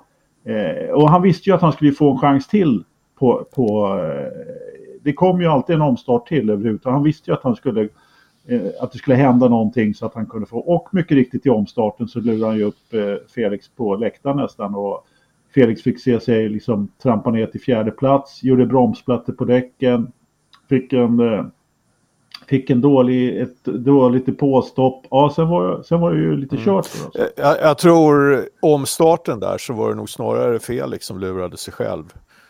Eh, och eh, han hade tjänat på och eh, ja, han ska ha tagit det lugnare och släppt Dixon och glidit försökt glida in bakom honom. Nu, nu tappade han ytterligare några bilar. Och, och det tror jag mycket väl kan ha varit en, eh, det, är en sån här typisk erfarenhetsgrej. Liksom. Jag menar, Dixon kommer där med, med push to pass bakom. Liksom, och, ja, du vet. Ja, ja. Det, där, det, där, det, där, det där ordnar han upp. Men eh, jag är inte orolig när det gäller däck, däcken. Om, om Dixon eh, inte bara rapportera problem. Vi såg att han hade problem med tempot också eh, i vissa lägen, men han tappade inte lika mycket som Felix gjorde. Eh, sen hade ju Felix förmodligen kanske kunnat sluta något högre upp. Eh, de hade ju lite trassel med sina depåstopp. Och, och... Jag försökte elda upp honom där. Ja, för fan. Det, men det, det där... Ja, mm. Men det där var inget misstag, utan eh, det, det där är en typisk initiationsrit liksom, som man utsätter rookiesen. jag tänkte om det där skulle ha till Formel 1, då skulle det varit Safety Car, det skulle ja, ha varit GPD-möte och strejk. Ja, visst, och terapeut och för att bearbeta posttraumatisk stress och allt möjligt. Alltså jag, jag fick direkt en sån här flashback och tänkte att Briatore hade varit med i det där. Att de hade ja. anställt honom som depåstrateg för att montera bort lite bränslefilter och grejer. Eller någonting. Så att, så att han spred lite bränsle där utöver. Men för, alltså, nu ser man i alla fall när det brinner i Indycar. Det gjorde man ju inte förr. Och helt plötsligt var det någon som började hoppa runt där. Så kastade de någon ja. hink vatten över någon stackars mekaniker. Ja, låg och rullade. som fan när de körde med det där ja, metanol, ja. ja, det var ja, Vi har ju en till stor jävla elefant i rummet då. Marcus. Ja. Har vi inte sagt det? ja, vi har redan dissat honom, men vi kan ta det en gång till. Ja, men det, jag menar, man, kan, man kan ju eh, ta hela upptakten då till eh, fram till avåkningen. Så, eh, alltså han, gör, han gör ett hyggligt, hyggligt kval. Eh, och eh, kanske inte alla lyssnare som har följt min statistik som jag lägger upp i forumet där med eh, träningstiderna. Gör lite statistik över träningstiderna. Det, man hör ju alltid att folk säger att ah, vad fan, det är bara träning, det spelar ingen roll. Det visar sig när man kollar på det där att eh, det gäller att vara med från början i Indycar om man ska eh, ha någon chans på att eh, kvala bra liksom. Och, eh, så att, eh, ja, men jag vet inte. Det här var, det här var ju eh, andra gången tror jag som Marcus eh, var topp 10 på en träning. Och sen kval, så kvalade han nio. Ja, men när, när, du går ut och säger innan loppet att jag är bland de snabbaste här i race och allting. Du, fan, får man sätta den i muren? Får, ja, nej, nej, men det blir negget där. Men alltså, det blir lite skämskudde. Sen som du sa Anders också, det som imponerar med de här bilarna, helvete de kör ihop med varandra. De kröker inte nej, ens ett styrstag eller De håller ju bra. Men han, ja, men det, han ju. Ja, det förvånar mig att, att uh, han inte kunde köra vidare med den där bilen faktiskt. Men uh, det, alltså det, vilket uppenbarligen så hade han ju rätt bra fart då. För var, han, han uh, gled ju en bra bit innan han körde in i muren också. Så. Ja. ja, men Christian, vad säger du om avåkningen och ME7s lopp? Nej, jag tyckte det så här, själva avåkningen tyckte jag var pinsamt. Det var ju bara tråkigt att se faktiskt. Det, eh, som ni har sagt, rookie-misstag. Fram tills dess så gjorde han ju så, ja, helt okej. Okay. Det var väl inte så mycket eh, mer att säga om det. Liksom, han, är ju, han är ju bättre än Max Chilton och då, då får man väl vara lite nöjd. Men rookie-misstag, fem år i Formel 1. Då skulle du ja. kunna ta en medelhöger sådär som... Det var ju ingen som åkte av där på hela helgen. Nej, det var ingen som åkte av på det sättet överhuvudtaget på hela helgen mer än Marcus. Och det är ju mm. det som gör det så jävla pinsamt att han är svensk. Det hade varit så sjukt mycket bättre om han var norsk. Ja. Mm. Liksom. Anders, Anders, vad ja. tycker du? Ja, men jag har ingenting mer att tillägga. Vad ska man säga? Liksom? Det, det, där är ju bara, det, det där är bara att bryta ihop och gå vidare. Liksom. Det, ja. så, så, så, där, så där misstag ska man inte göra på den där nivån. Jag vet inte hur stort miss... Det är svårt att säga. Han, han sa någonting om att han precis hade kört om någon och sen eh, hamnade lite för nära. Men jag menar... Ja, nej, det, det, som den, det där var ju ett rejält eh, bakslag och eh, minustecken framför Marcus. Ja, det är det är ingenting annat att säga. Så är det. Han, han, han har en rejäl uppförsbacke nu, helt klart. Ja, sen hörde man Ekblom där också. Vart lite förbluffad att han... Det lät ju som Marcus var lite ledsen att han inte får ett uppvärmningsschema för däcken. Utan att de klappar han på axeln och säger kör bilen. Men inte det Indycar går ut på att de fixar bilen så får föraren fixa körningen. Mm. Ja, men eh, jag, jag har ju fått lite rapporter från andra sidan pölen som eh, det bekräftar väl liksom redan vad, vad man visste innan liksom, om, om vilken attityd som gäller där borta. Liksom. Det, man håller inte på så jävla mycket och kollar i dataloggar och annat skit liksom, och överanalyserar utan det är upp till föraren och, och eh, hantera det. Liksom. För eh, klarar de det inte på känsla liksom, så, så hjälper ju inga dataloggar i världen. Eh, det du... var faktiskt lite grann vad Jacques Villeneuve sa eh, i eh, eh, Gergej Farkas intervju. Eh, visst, var det, visst var det där han, han sa någonting? Han var, han var jävligt kritisk mot, mot liksom att alla kastar sig ur bilen och så ska, börja, ska de börja analysera mm. data. Liksom. Det är fan, det, det är, ja, kör och ratta och, och liksom, lös problemen den vägen. Liksom. Det, det är väl lite... Men du, men, jag håller med. Men du Ternström, jag tänkte du som har fått lite rapporter från andra sidan pölen. Eh, kommer du få mer nu när Bosse Hansson har åkt hem? Nej, det är ju faktiskt... Eh, eh, där försvann ju liksom min källa. Eh, så att, ja, eh, ja. Men han är, han är, han är på hemmaplan nu. Vi, eh, vi brukar ju faktiskt se hos, ses hos övervakaren ibland. Ja. Eh, Bosse Hansson och Indy GP. Eh, nu har vi Indy 500-månaden här. Vad har svenskarna att se fram emot? Ja, snabba kurvor.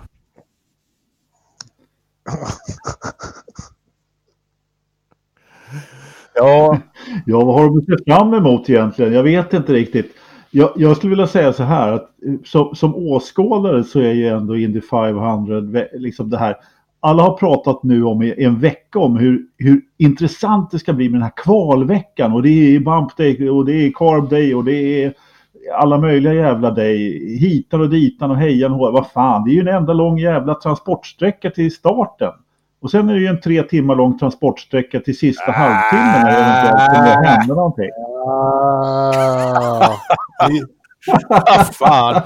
Det, alltså jag tror ju att eh, de, de kommer att få uppleva en eh, upptrappning av stämningen och atmosfären ända fram till, eh, ja, till att det är målflagg. Eh, sen tyvärr, det här med bump day och så vidare, de hade ju ett lite annat, mer raffinerat system tidigare. Eh, nu är det väl bara de sista de, de som eh, sex sista va, är det som, eh, för det är 36 anmälda nu, 33 får köra. Och efter det första eh, riktiga kvalet där så är det de sex sista som får eh, slåss om eh, eh de tre sista platserna. Då. Så där, där, där vill du verkligen till att eh, jag tror vi behöver nog inte tvivla på att eh, Felix kommer att klara, klara den gränsen. Men eh, vi vill nog inte se Marcus vara bland de sex sista efter det första kvalet. För då kan det bli tufft. Nej. Om hur många helger går loppet? Är det slutet av maj? 26 maj. Samma dag som, eh, Monaco. som Monacos GP och Coca-Cola 600.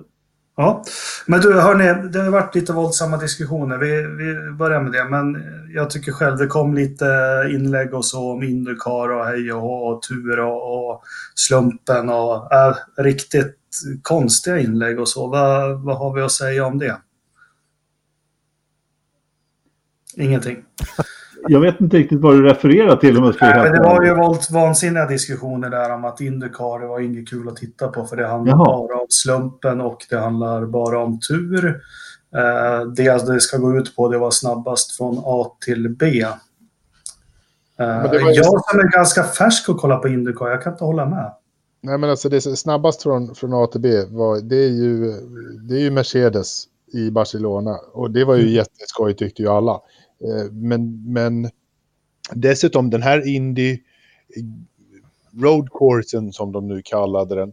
Eh, den är ju också lite Barcelona-aktig i och med att den inte är den värsta omkörningsfesten överhuvudtaget på, på Indy-kalendern. Så det är väl deras variant av Barcelona, fast det ändå är ju liksom omkörningar och mycket mer racing överhuvudtaget. Så hålla på med slumpen och sånt där, vad fan. Det, ibland regnar det, ibland regnar det inte och ibland regnar det mycket och ibland regnar det bara på en centimeter av banan. Jag tycker det är inte, det här är ju, det här är ju racing.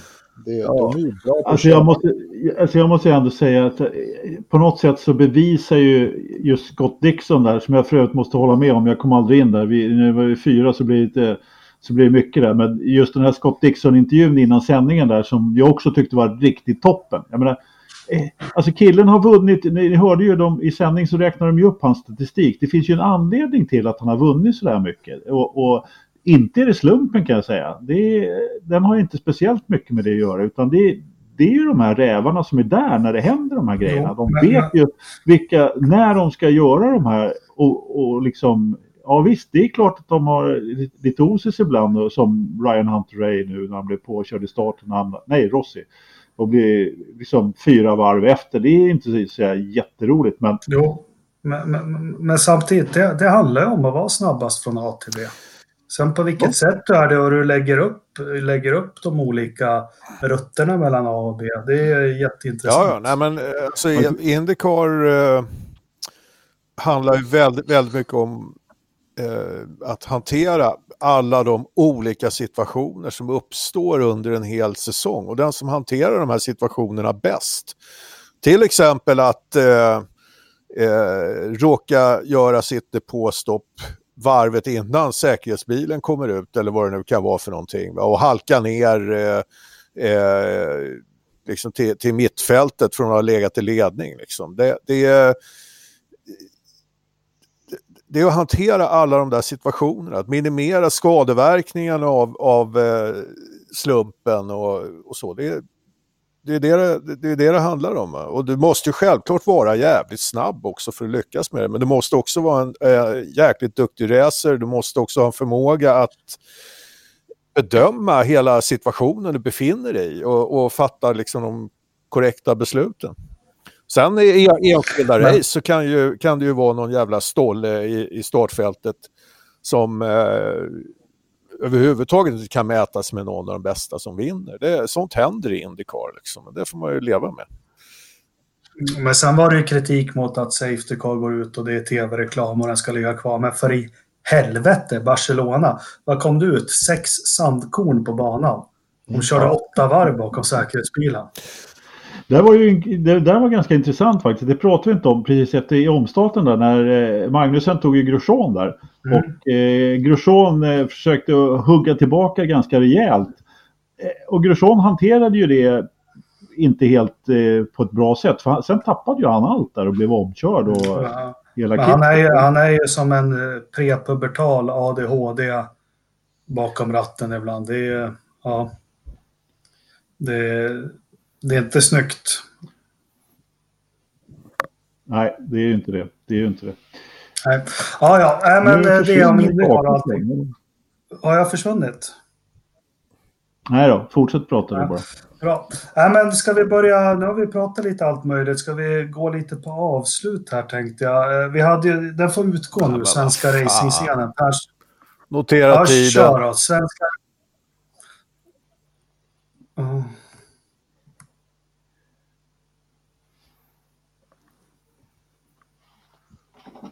Är jag kvar? Ja, ja nu är du kvar. Fortsätt. Ja. ja. Svenska racingscenen, Ternström. Har du något att, att tillägga? Svenska racingscenen?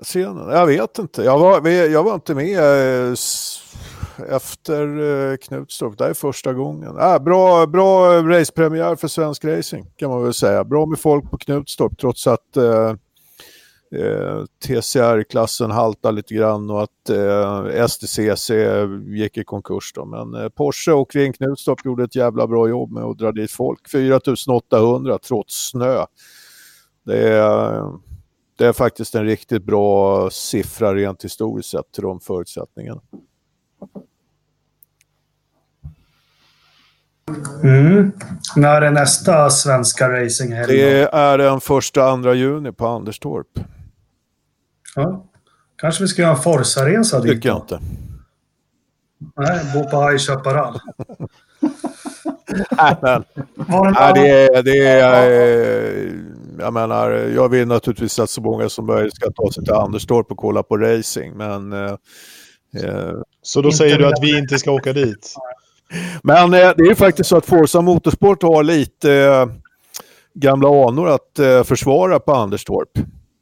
Eftersom ja, vi hade ju en hel jävla flagga. Den som syns i våran eh, logga där, eller i eh, vår profilbild på podden.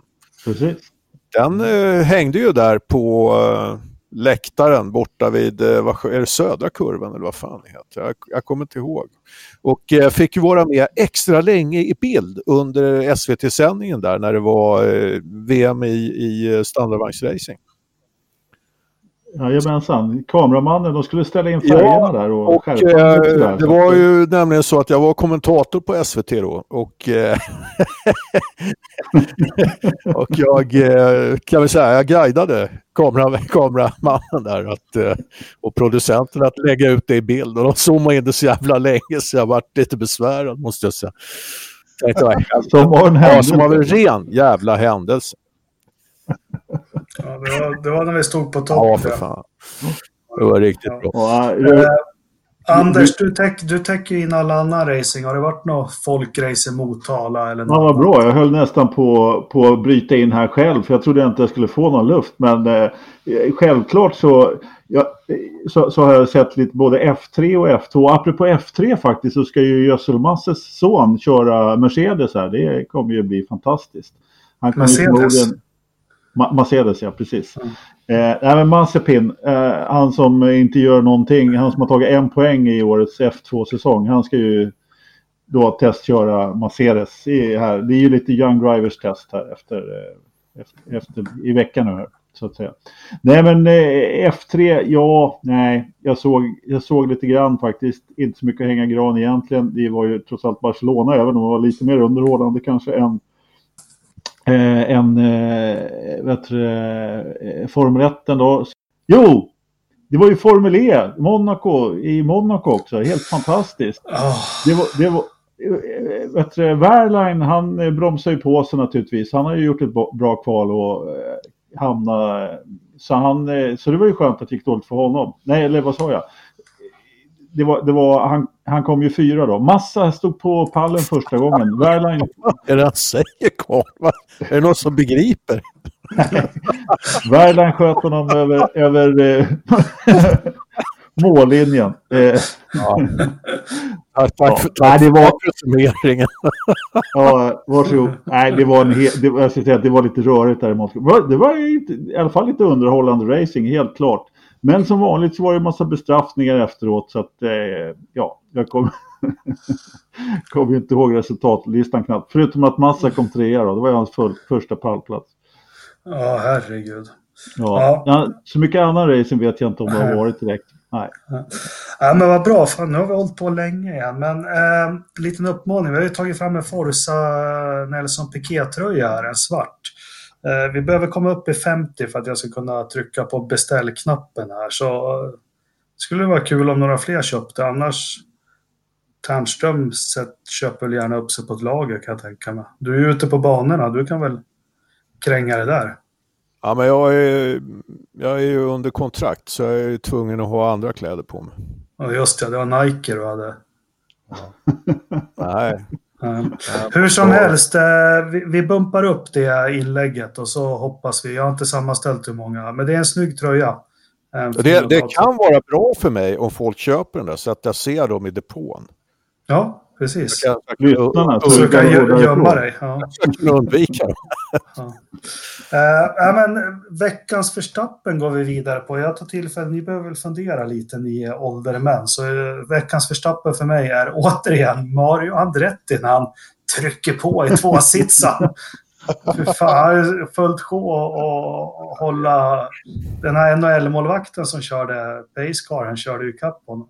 Nej, det är helt patetiskt. Ridderstolpe, vilken förstappen har du? Eh, Kumla. Kumla? Uh, Eriksson. Ja, att, att, att, kunna prestera, att kunna prestera en, en så eh, klantig svensk Formel 1-förare som har haft den här helgen. Det är pinsamt Kumla. Mm. Ja. Ternström? Ja, fan. Det är ju inte första gången som jag har utnämnt Formel 1 till veckans förstappen, men jag, jag, jag gör det. Fy fan vad, vilket kastrace alltså. Alo. Ja, jag har en annan förstappen faktiskt. Eh, kommer du ihåg en gång i tiden när det var ett eh, VTCC-lopp där det var en privatist som ledde och eh, så blev det en safety car ut på banan och eh, safety caren stod helt still. Så den här privatisten som jag nu har glömt bort vad han hette, han brakade rätt in i safety caren. Det var, det var, det var, det var ju eh, på den här franska stadsbanan. Eh, den här orten som är helt omöjlig att uttala. Pau. På. På. på. Ja. Just det, det var på. Det stämmer. Ja. Det stämmer. Mm -hmm. eh, där för övrigt Bernadotte kommer ifrån. Men skitsamma. Eh, I helgen så kördes det även standardvagnsracing i Kina. Har ni såg ni det loppet? Nej. Nej. Nej. Ja, ni har ingen koll grabbarna. Då var det i alla fall en kille som, som skulle ut och köra lite safety car där mitt under loppet tyckte han. Så att, eh, men han lyckades faktiskt med bedriften att köra av de två första i loppet. ja, det måste du lägga upp en ja, länk på. Det var, det var, en rätt rejäl smäll där. Men, men eh, det, det, där, eh, det, det, är väldigt lätt att skylla på den som kör eh, Safety Car där. Men ja, är väldigt... tävlingsledningen borde ju rimligen ha en, en uh, riktig jävla känga. Liksom, för det, de, ja, det är med. Det är med. De, de ger ju honom signal när det är dags att åka ut. I just det här fallet med Kina-grejen där så ser det i alla fall väldigt mycket fel ut utav, eh, utav han som körde Safety Caren överhuvudtaget eftersom han prejar av dem i stort sett. Ja, blame Eriksson. Ja, eller hur? Ja. Lägg upp ett klipp på det, Anders. Det. Uh, den bästa punkten av alla, väderstationen är fortfarande ur bruk. Vi får hålla oss tå till tåls två veckor till om inte du har haft någon mer kontakt med Pastis, Anders. Nej, Eh, han mm. hälsade till dem han kände, gjorde han. Eh, när jag, han svarade på ett meddelande i alla fall. Så det var ju bra. Så att, mm. ni känner mer att ni känner honom så kan ju känna er hälsade. Men eh, ja. han svarade ingenting på när väderstationen skulle vara igång. För det var ju det, det, var ju det som var frågan naturligtvis. Att, eh, Va, Tärnström, vad tror du har hänt med väderstationen? Ja, fan vet jag. Eh, jag hur ska jag kunna veta det? Tror jag. Du får spekulera här. Ja, Nej, men då, det, då kan det nog vara så att eh, det kan vara grannen som har hämtat hem datorn som han lånade ut. Fast han, han, skriver ju så här. Nu ska, han, han, har, han har nämligen blivit av med kärringen och nu ska det porrsurfas.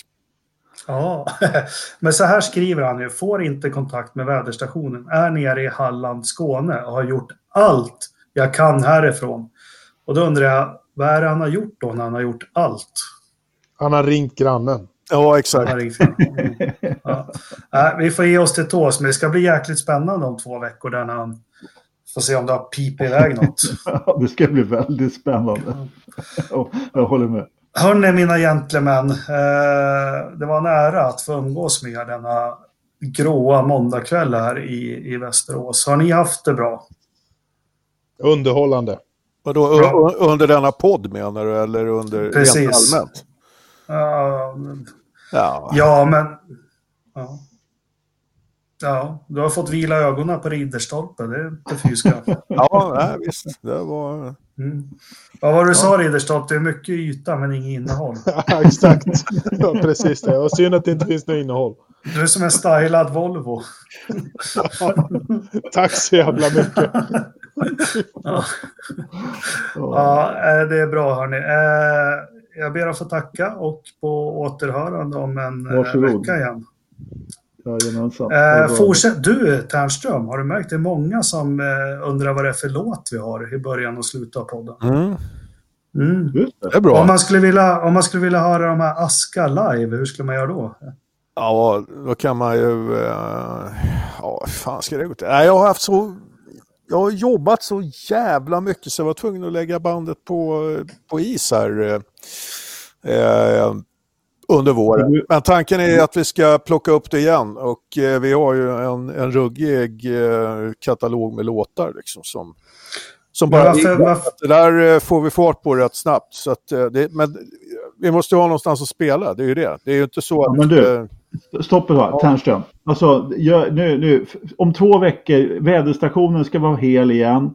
Eh, det är Indy 500, det är Monacos GP och det är en annan väldigt stor händelse faktiskt också.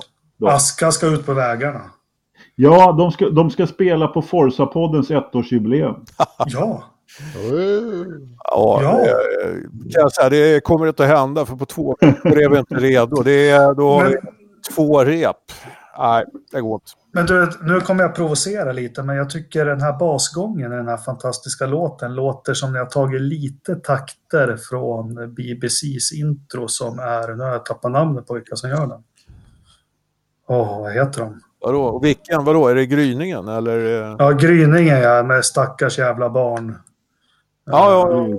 Nej, men det är ju en, eh, Ja. det är ju en ganska, vad ska man säga, inte helt traditionell blues. Liksom. Men eh, det är ju ingen märkvärdig basgång så. Och Vad spelar du för instrument då? Jag spelar bas. Bas? Uh, Ridderstolpe, vad spelar du? Eh, Skinnflöjt. Skinnflöjt och Lövström. Ja, dum. Ja, han spelar ju Ja. skinnbanjo.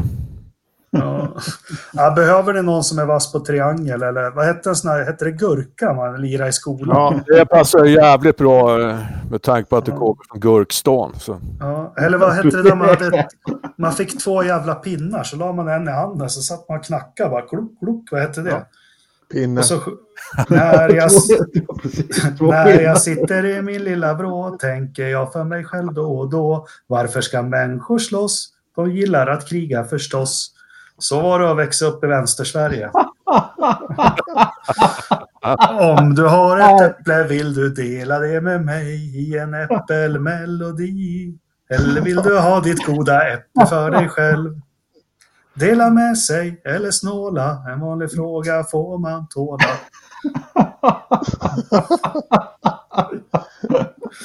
Ja, ja, det är tveksamt. Alltså, vi brukar ju köra med det där förut, men nu är det faktiskt tveksamt om vi har några lyssnare kvar. Skulle jag vilja säga. Det är för fan, nu, nu äntligen tänder podden till skulle jag vilja säga. Eller hur? Ja.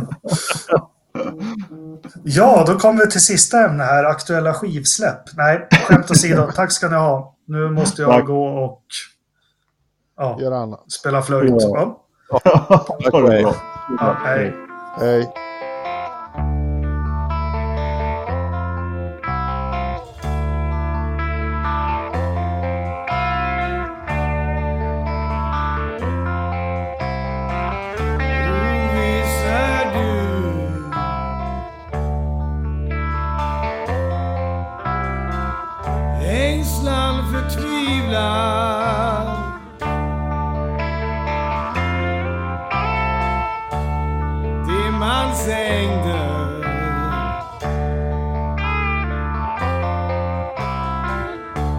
sista vila.